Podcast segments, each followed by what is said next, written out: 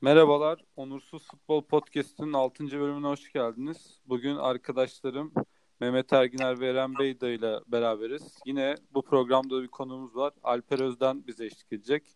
Öncelikle hoş geldiniz diyorum beyler. Hoş bulduk. Hoş bulduk. Merhaba. Merhabalar, hoş bulduk. Alper hoş geldin. Hoş bulduk, merhabalar.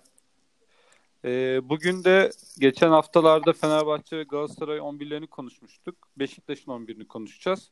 Ee, programın süresini de birazcık verimli kullanmak için önce herkes kendi 11'ini söylesin. Tartışmalı bölgeler üzerine konuşalım dedik. Çünkü net olan yerleri bile 3-4 dakika konuştuğumuz oldu geçen programlarda. Önce konumuz Alper'den başlayalım. Alper'in 11'ini alalım. Sonra Eren Mehmet, ben de eklerim. Üstüne konuşuruz. Öncelikle davetiniz için çok teşekkür ederim. Ben sürekli bir dinleyiciniz olarak bayağı sevindim bu davete. Ee, ve aranızdaki tek Beşiktaşlı olarak bu programda olduğum için de çok mutluyum.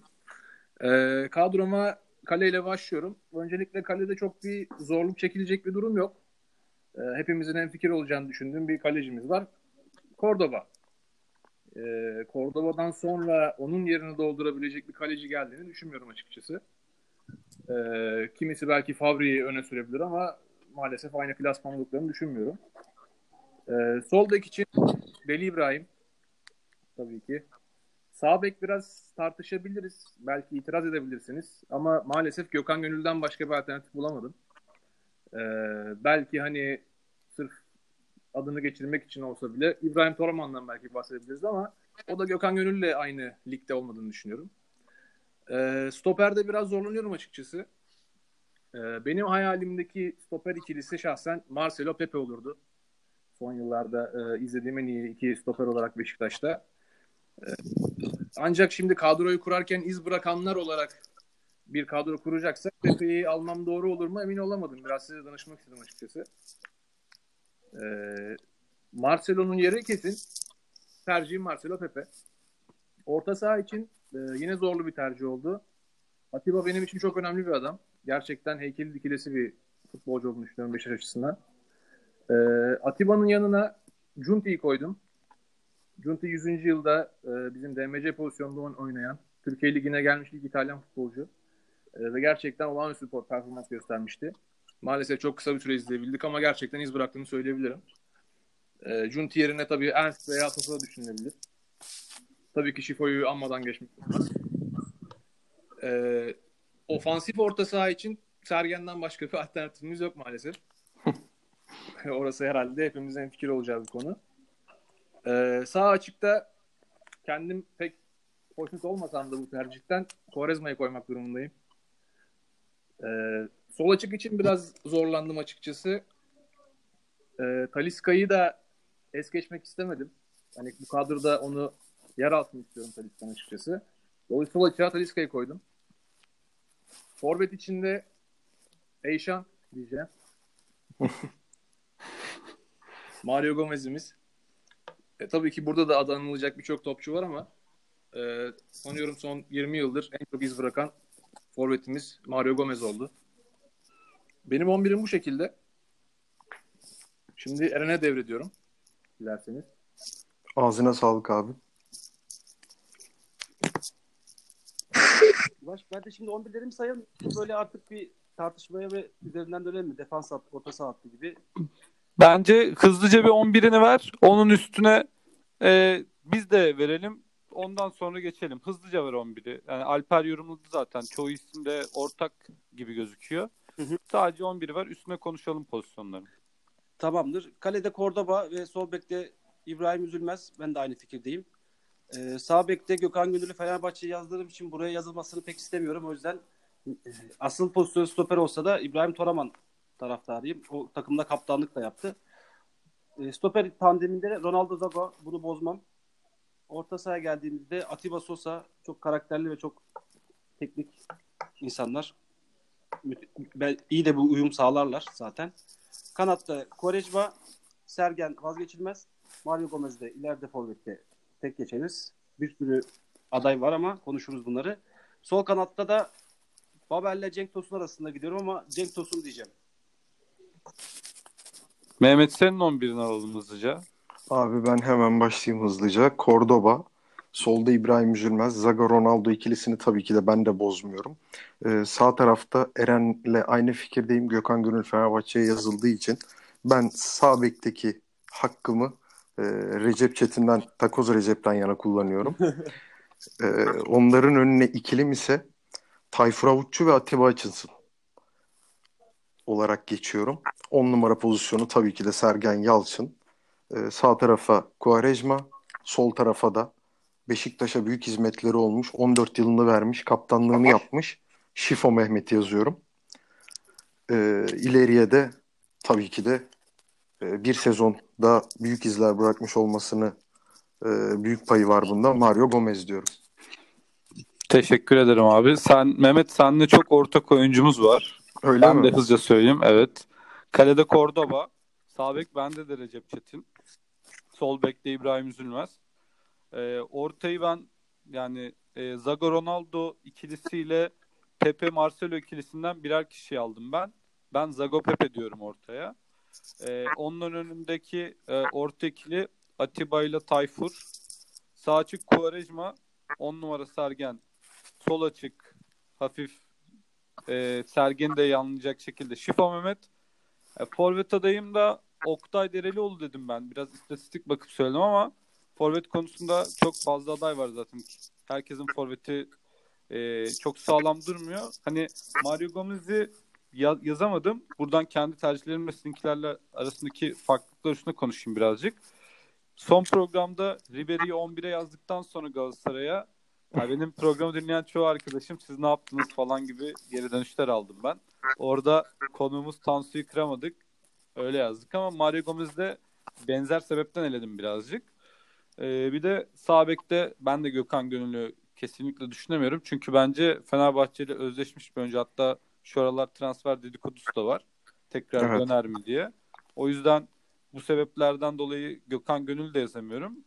E, Bir son olarak da Sosa'ya da aynı şekilde yaklaşıyorum. Sosa sonuçta Beşiktaş'tan Milan'a transfer olup gitti ama sonra ülkeye dönüşünde Trabzon oldu. Beşiktaş'tan gittiği süreçte de terör olayla- olaylarını bahane edip gitmişti o süreçteki. Sonrasında tekrardan ülkeye döndü ve Trabzon'da bence simge oyuncusu olacak orada da. Daha bir iki senesi olduğunu düşünüyorum. O yüzden orta sahada da Sosa'yı eledim. Yoksa kalite olarak Sosa ismine katılıyorum. Ee, netlememiz gereken pozisyonlara geçelim kısaca. Cordoba kesin, İbrahim Üzülmez kesin, Atiba kesin, Quaresma kesin, Sergen Yalçın kesin gibi duruyor. Ee, önce sağ bek ve defans ikilisini nasıl oluşturmalıyız? Onun üzerine birazcık konuşmak isterim. Tekrardan Alper'e döneyim burada. Sonra siz de aralara girebilirsiniz. Şimdi sağ bek konusunda Gökhan Gönüllü söylerken açıkçası bekliyordum bu tepkiyi. Ee, Recep Çetin de tabii ki bir Beşiktaş efsanesi. Ee, ancak yaş itibariyle hani çok hatırladığımı söylemem. Yani tam olarak Recep çok çok iyi bir futbolcuydu. Şöyleydi böyleydi gibi bir ahkam kesecek durumum yok. Dolayısıyla hani Gökhan Gönüllü yazma deseniz aklıma herhalde İbrahim Toraman veya Hilbert gelirdi. Hilbert de çok beğenmememe rağmen bir sağ bek problemi var Beşiktaş'ta maalesef. Ee, diğer pozisyon stoper ikilisiydi değil mi? Evet. Evet. Şimdi burada Ribery sendromundan Pepe'nin muzdarip olması lazım Gomez'den ziyade. Ee, Pepe gerçekten olağanüstü bir stoper. Ee, biz de geldiğinde çok heyecanlanmıştık açıkçası. Ee, gerçekten çok iyi bir stoper performansı izledik Beşiktaş'ta. Ee, ama biraz tadı damağımızda kaldı gibi bir durum oldu. Ee, dolayısıyla Ronaldo Marcelo belki düşünebilirim ben ama Zago Ronaldo mu derseniz ben Ronaldo'yu tercih ederim açıkçası. Zago biraz daha deli doluydu ama defansı toparlayan kişi olarak Ronaldo benim aklımda yer etmiş. O konuda katılıyorum ben sana. Yani Zago Pepe hayatta takım 10, 11 kişi bir tamamlamayabilir. Kendim yazarken de onu düşündüm. Hani orada birazcık Tayfur Avuççu ile Atiba'ya Galatasaray'da kadroda Ümit Davala'ya verdiğim sakinleştirici unsuru olarak gördüm onları ama hani sanki dediğin gibi Ronaldo Pepe ile Zago Marcelo daha uyumlu gibi oluyor. Çaprazlamak gerekiyor birazcık. Evet. Evet kesinlikle tabii. Marciano da gerçekten kalite olarak Marcelo da e, kalite olarak çok üst düzey bir stoperdi. Zaten yaptığı transferden de e, bunu gördük. E, ama ben ikili konusunda galiba Zaga Ronaldo'yu bozmaya hani şey e, yüreğim el vermiyor diye. Gerçekten çok iyi bir ikili izletmişlerdi bize. Ama tabii Marcelo ve e, Pepe'nin kalitesi e, bize göstermiş oldukları performans. E, tabii Pepe'nin zaten kariyeri tartışılmaz. Muazzam bir kariyer Real Madrid'den transfer yaptı geldi Beşiktaş'a. Zago Ronaldo iyidir diyorum. Eren top sende. Ee, yani ben de Zago Ronaldo demiştim. Bu ikiliyi bozuyorum demiştim ama Pepe Ronaldo ikisi de Brezilyalı e, Bir ikisi de Brezilyalı. E, Pepe de aslen Brezilyalı ama Portekiz milli takımında oynadı. Alt yaşlarda Portekiz oynadığı için. O yüzden onlar da güzel bir uyum yakalardı diye düşünüyorum. E, sağ bek konusunda da ya İbrahim Toraman kaptanlık da yapmış olmasıyla yani e, 2009 şampiyonluğunda yani sonuçta o takımın liderlerinden bir tanesiydi. Burada olmayı hak ediyor diyorum. O da aynı şey. İbrahim üzülmez. İbrahim Toraman'a terlik atıp kavga etmezler mi abi? Veya burada Dobrovski'yi Şimdi- söyleyebiliriz. O da 100. yıl şampiyonluğundaki sağ bekti. Güzel. Senin yine defterin altındaki Evet, değişik evet, isimler evet, evet. çıkmaya başladı. Güzel abi. Evet, evet abi. Ama e, Eren'den ben Andreas Peke falan bir 10 saniye beklerdim yani. Ona üzüldüm. Ya onu söyleyecektim de program süreleri çok uzuyor o zaman. Oralara o kadar detaylara girmeyelim ama stopere dersen mesela Sivok'u da mutlaka, mutlaka bahsetmemiz gerekiyor yani. Kesinlikle öyle. Sivok be, ya 5. stoperi takımın kesinlikle Sivok. O konuda katılıyorum sana.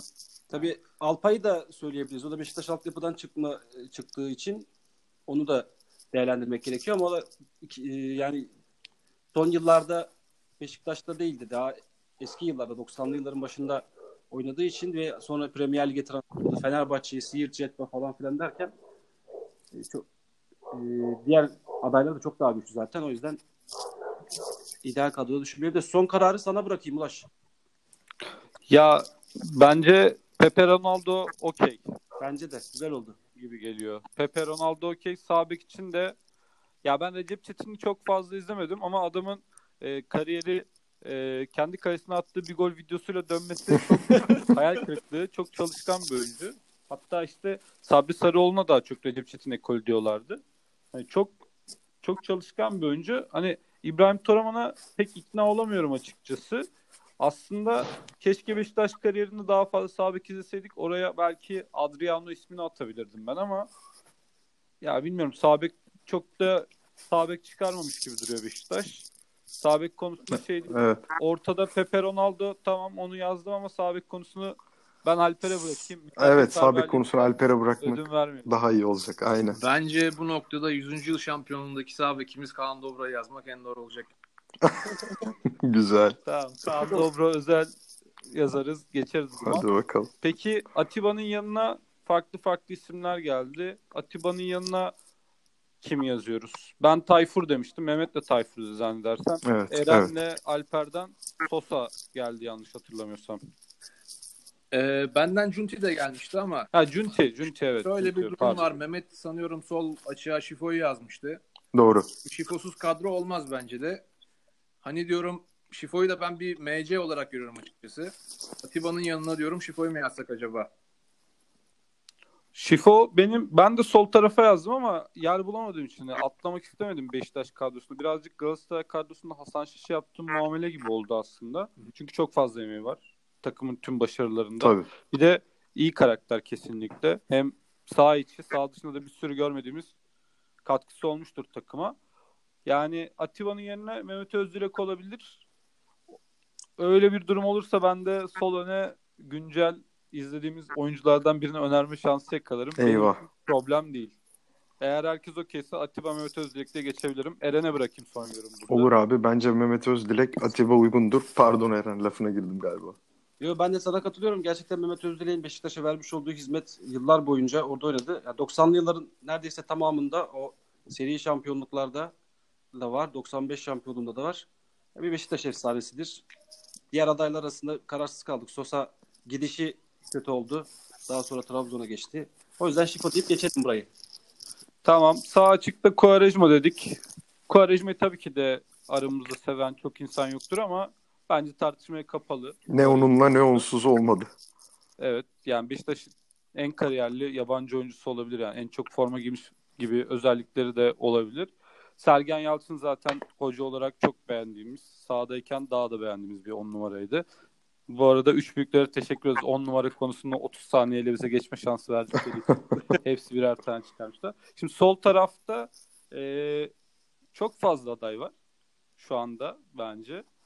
Yani Fenerbahçe gitmeseydi Tümer Metin'i hemen şu anda atacaktım ama o da yine aynı kotaya giriyor. Ben Tümer Metin'le bir kayıt paylaşsam bazı arkadaşlarım beni e, çok uzun süre yaşatmazlar. Hayır ama bir de Tümer dersen Tümer Sergen birlikte oynar mı sorusu da akıllara geliyor o zaman Ulaş. bence, bence çok güzel oynar abi. Oynadılar da zaten. Şaka Oynadılar, yapıyorum oynarlar. sadece.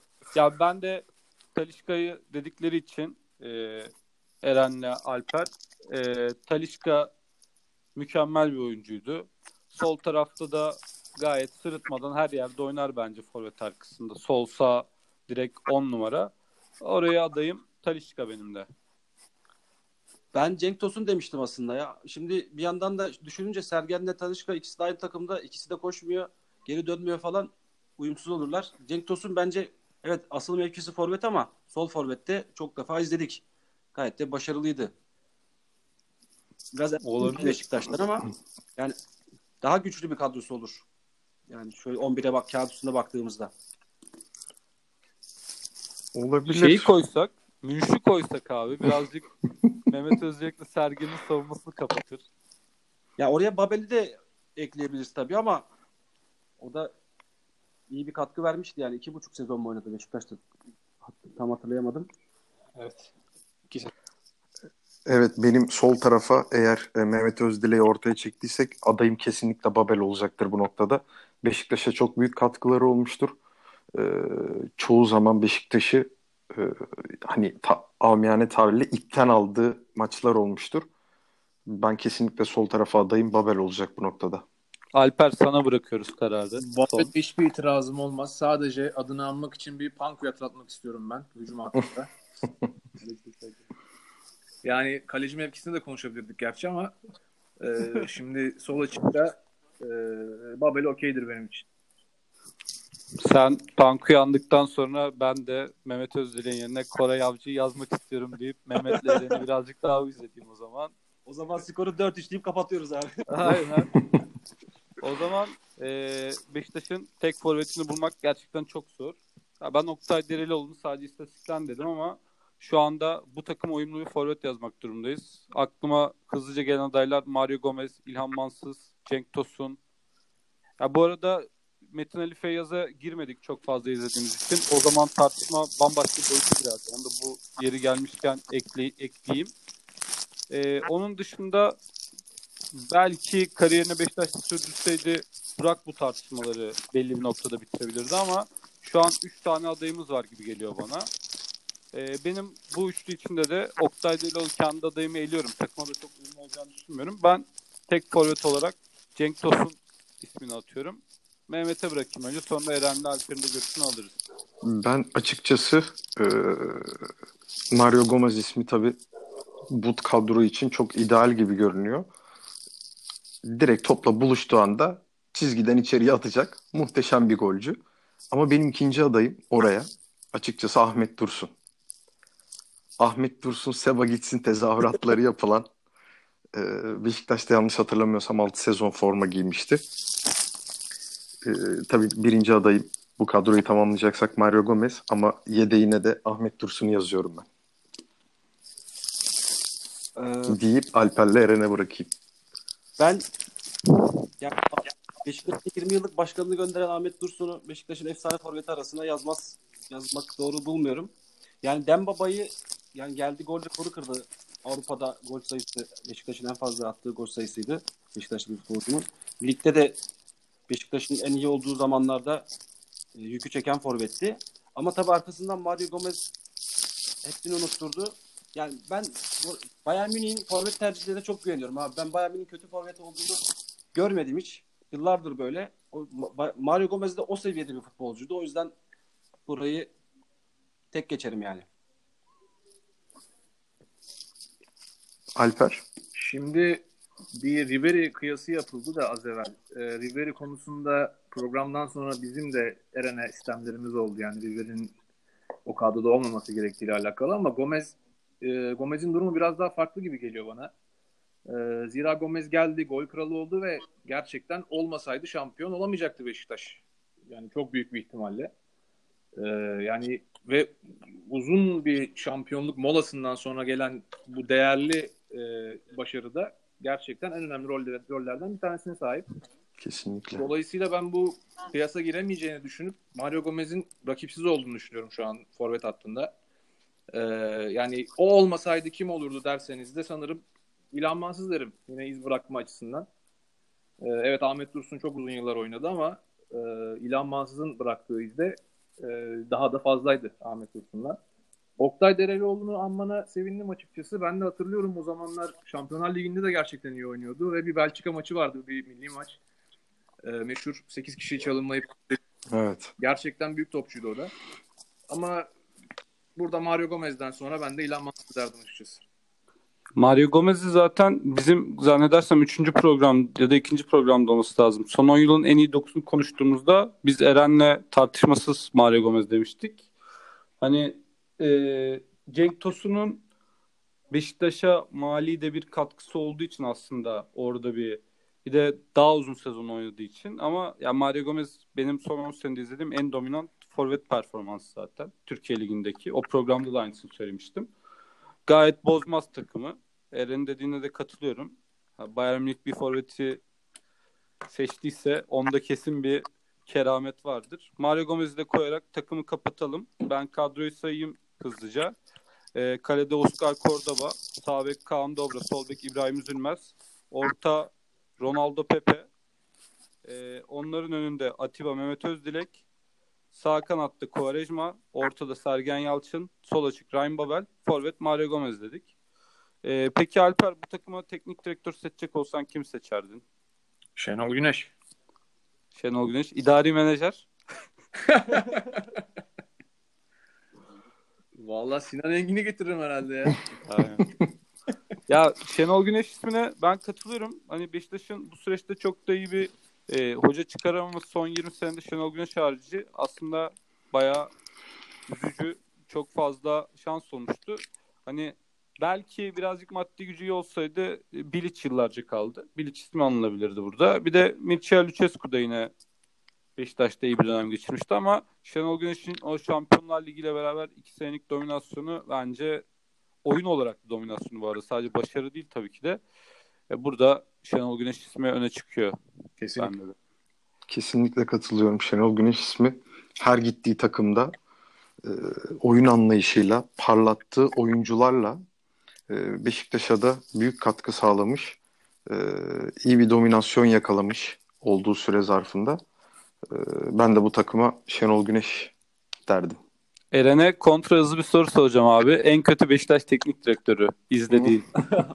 Onu ben soracaktım. Ya açıkçası Beşiktaş'ın çok farklı ülkelerden tercihleri oldu işte. Fransa'dan Jean Tigana, İspanya'dan Del Bosque, Schuster, e, İtalya'dan Scala. Hani çok deneysel dönemleri oldu Beşiktaş'ın ama yani aslında hepsi de isimli hocalardı. Hiçbiri de kötü diyemiyorsun. Ama Beşiktaş'ı hangisi en kötü duruma getirdi dersen bence Schuster. Elinde iyi de bir kadro vardı. Çok kötü ayrıldı yani. En kötü aklıma gelen o. Alper senin adayın kim burada? Benim aklıma Carlos Carvalhal geliyor. Ee, çok iyi niyetli bir adamdı. Çok da iyi bir adamdı belliydi yani. Hani metrobüsle e, seyahatleri vesairesi de basına yansırdı. Ama teknik direktör olarak yeterli değildi diye düşünüyorum. Ben Kar Carvalhal konusunda kesinlikle katılıyorum. Galatasaray'da verdiğim Riker'in örneğinin bir benzeri. O da bayağı şanslı büyük takım yönetme konusunda. Ben de Carvalhal diyorum. Ya Schuster, Del Bosque gibi isimleri ben bu listeye koyamıyorum. Çünkü Rijkaard da koymadığım gibi. Onlar olmuyorlar abi bir şekilde. Ben de Carvalhal diyorum. Mehmet senin de adayını alalım. Abi ben de Carvalhal diyorum çünkü e, senin de dediğin gibi e, o büyük isimler e, sadece şanssız bir dönemde takımların başına geldiler. Belki kimya tutmadı, belki kan uymadı e, ama bu listeye bence girmeyi hak etmiyorlar. Ben de Carvalhal diyorum. Tamamdır. Ya son olarak kısaca e, Türkiye Futbol Federasyonu biliyorsunuz taslak plan hakkında bir tarih çizelgesi vermese de hedef tarih koydu 12 Haziran.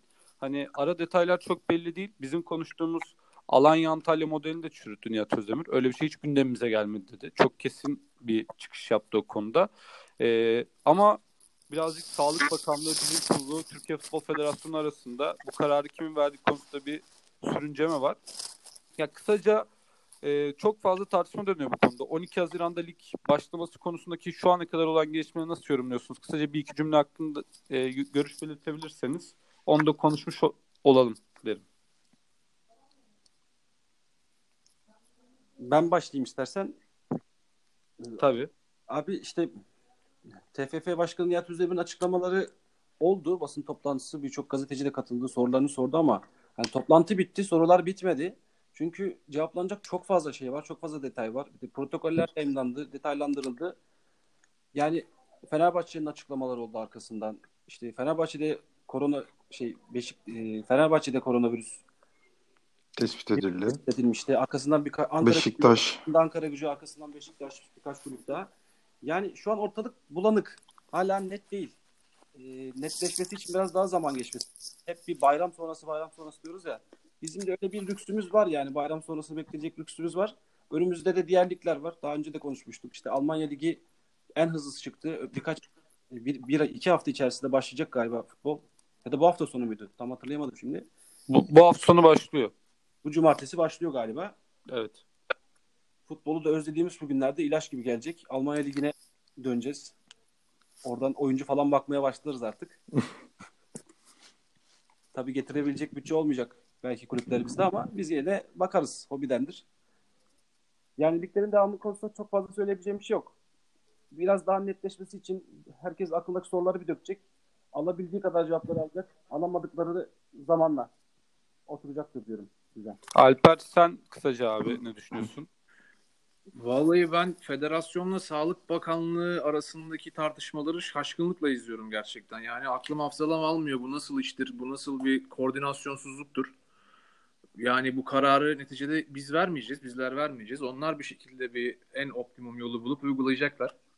Ama şimdi herkes topu birbirine atıyor ve tamamen bir belirsizlik hakim. Yani bu şartlar altında ben kesinlikle başlamaması gerektiğini düşünüyorum. Ha bir alternatif çözümü var mı derseniz açıkçası yok. Ama bu koordinasyonsuzlukta, bu plansızlıkta ben kesinlikle ve kesinlikle bu ligin başlamaması gerektiğini düşünüyorum. Ve e, eğer başlarsa şayet Fransa'da e, gördüğümüz manzaralara benzer şeyleri Türkiye'de de görebileceğimizi düşünüyorum. Hani maç sırasında bir yerde toplanma, toplu taraftar hareketleri gibi saçma sapan şeylere şahit olabileceğimizi düşünüyorum. Ve kafamızdakiler, başımızdakiler de bu kadar plansızken kesinlikle ama kesinlikle başlamamalı. Yani Alper'e katılmamak bu noktada elde değil. Ben de Alper'le aynı görüşteyim. Kesinlikle ama kesinlikle ligler başlamamalı. Tarih belli. Takımlar çalışamıyor. Antrenman yapıyor, yapamıyor. Niye? Çünkü e, idari kadroda ya da futbolcularda e, Covid-19 tespit ediliyor. Bir hafta geriye atılıyor. Yani şimdi tekrardan bir hafta sonra bu takımlar çalışmaya başladığında bir testler daha yapılacak tabii. Bir takım testler. O testlerde de Covid-19 çıktığında bir hafta geriye attığında sonuç ne olacak? Mayıs'ın sonunu buluyorsun. 15 gün sonra 12 gün sonra ligler başlıyor. Ben erken olduğunu düşünüyorum. Kesinlikle ve kesinlikle e, Temmuz'un orada yani bir ay ertelenmesi gerektiğini düşünüyorum ben kendi adıma. Ben biraz Eren gibi düşünüyorum ben de Alper'le senin aksine Mehmet. Yani hedef tarih koymakta bence bir sakınca yok şu an için. Çünkü birkaç tane örneklik başlayacak. Onlarda da yine korona vakası tespit edilip bir şekilde süreci yönetmeye çalışacaklar. Biz kopyalama metoduyla devam edebiliriz bu noktada. Ama Temmuz sonrasında ligi bitirmek nasıl olacak? O konuda açıkçası pek bir fikrim yok. Ee, alternatif çözüm olarak biz hep iki şehir ya da tek şehir önermiştik ama bu da hiçbir şekilde gündemde olmadığı süreçte yani takımların seyahat ettiği bir süreçte ben de çok zor olacağını düşünüyorum. Ama bir plan ve taslak gördükten sonra tekrardan üstüne konuşuruz. Ekleyeceğiniz başka bir şey yoksa beyler yavaştan kapatalım. Ee, bu konuyu daha fazla ekleyeceğim bir şey yok da Beşiktaş'a dönersek 12. adamı sormadık. Bunu da diğer takımlarda Fenerbahçe ve Galatasaray sormuştuk. 12. adam için isimleri ben sormuş olayım. Önce ce- cevap vereyim. Benim fikrim Filip Holosko kesinlikle kafasıyla bile çalım atabiliyor. Üstelik 12. adam olarak alıyoruz. Üstüne bir miktar para koyup istediğimiz adamı alabiliriz 12. Holos kartı bir miktar para güzel. Benim direkt Talişka. Kadroya da almadık. Uzatmayayım ben Talişka diyeyim. Ben de Talişka diyorum 12. adam olarak. Alper'in yorumunu çok merak ediyorum. 12. adam tartışmasız Necip Uysal'dır benim gözümde. güzel. Her zaman hazır, her mevkide oynar. Aynen. 1-0'lık bir maçı 1-1'e getirmek için. Elinden geleni yapar. Aynen. Ha, bu arada gerçekten ben Necip Uysal'ın da çok doğru eleştirildiğini düşünüyorum ya. Ger- gerçekten kötü oyuncu yani Necip Uysal. Yani Beşiktaşlılığından dolayı kalmamalı Beşiktaş'ta artık. Hiç gerek yok bence. Bir de yine kadrom almadığım Adriano'ydu diyebilirim ya. Çünkü bekler kötü giderse iki bekin yerine de atılabilir. Adriano Tabii bazı- sağ sol oynaması Adriano da olabilir. Bazı garanti mevkilerden ötürü ismini anmadığımız epey isim oldu. Nihat da var mesela. Sağ Tabii. Evet. Tabii. Ya zaten bizim şöyle oluyor. Biz programı çektikten sonra dinleyenler kalan isimleri tamamlıyorlar. Güzelliği de orada birazcık. Senin de zaten çeşitli eklemelerin oldu. Ya bazı isimlerde özellikle. Cunti mesela kadroya yazamadığımız için ben açıkçası pişmanım ama bakalım belki daha değişik 11'ler yaparsak orada yer veririz. Programımıza katıldığın için Alper tekrardan teşekkür edeyim sana.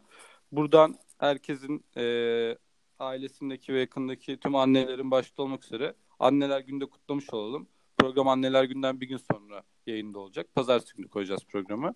Ağzınıza sağlık diyorum beyler. Tekrardan görüşmek üzere. Hoşçakalın. Ağzınıza sağlık beyler. Teşekkür ederim. Alper sana da ayrıca teşekkür ederim. Davetiniz için ben teşekkür ederim. Görüşmek üzere. Görüşmek üzere. Güzel program oldu. Görüşmek üzere.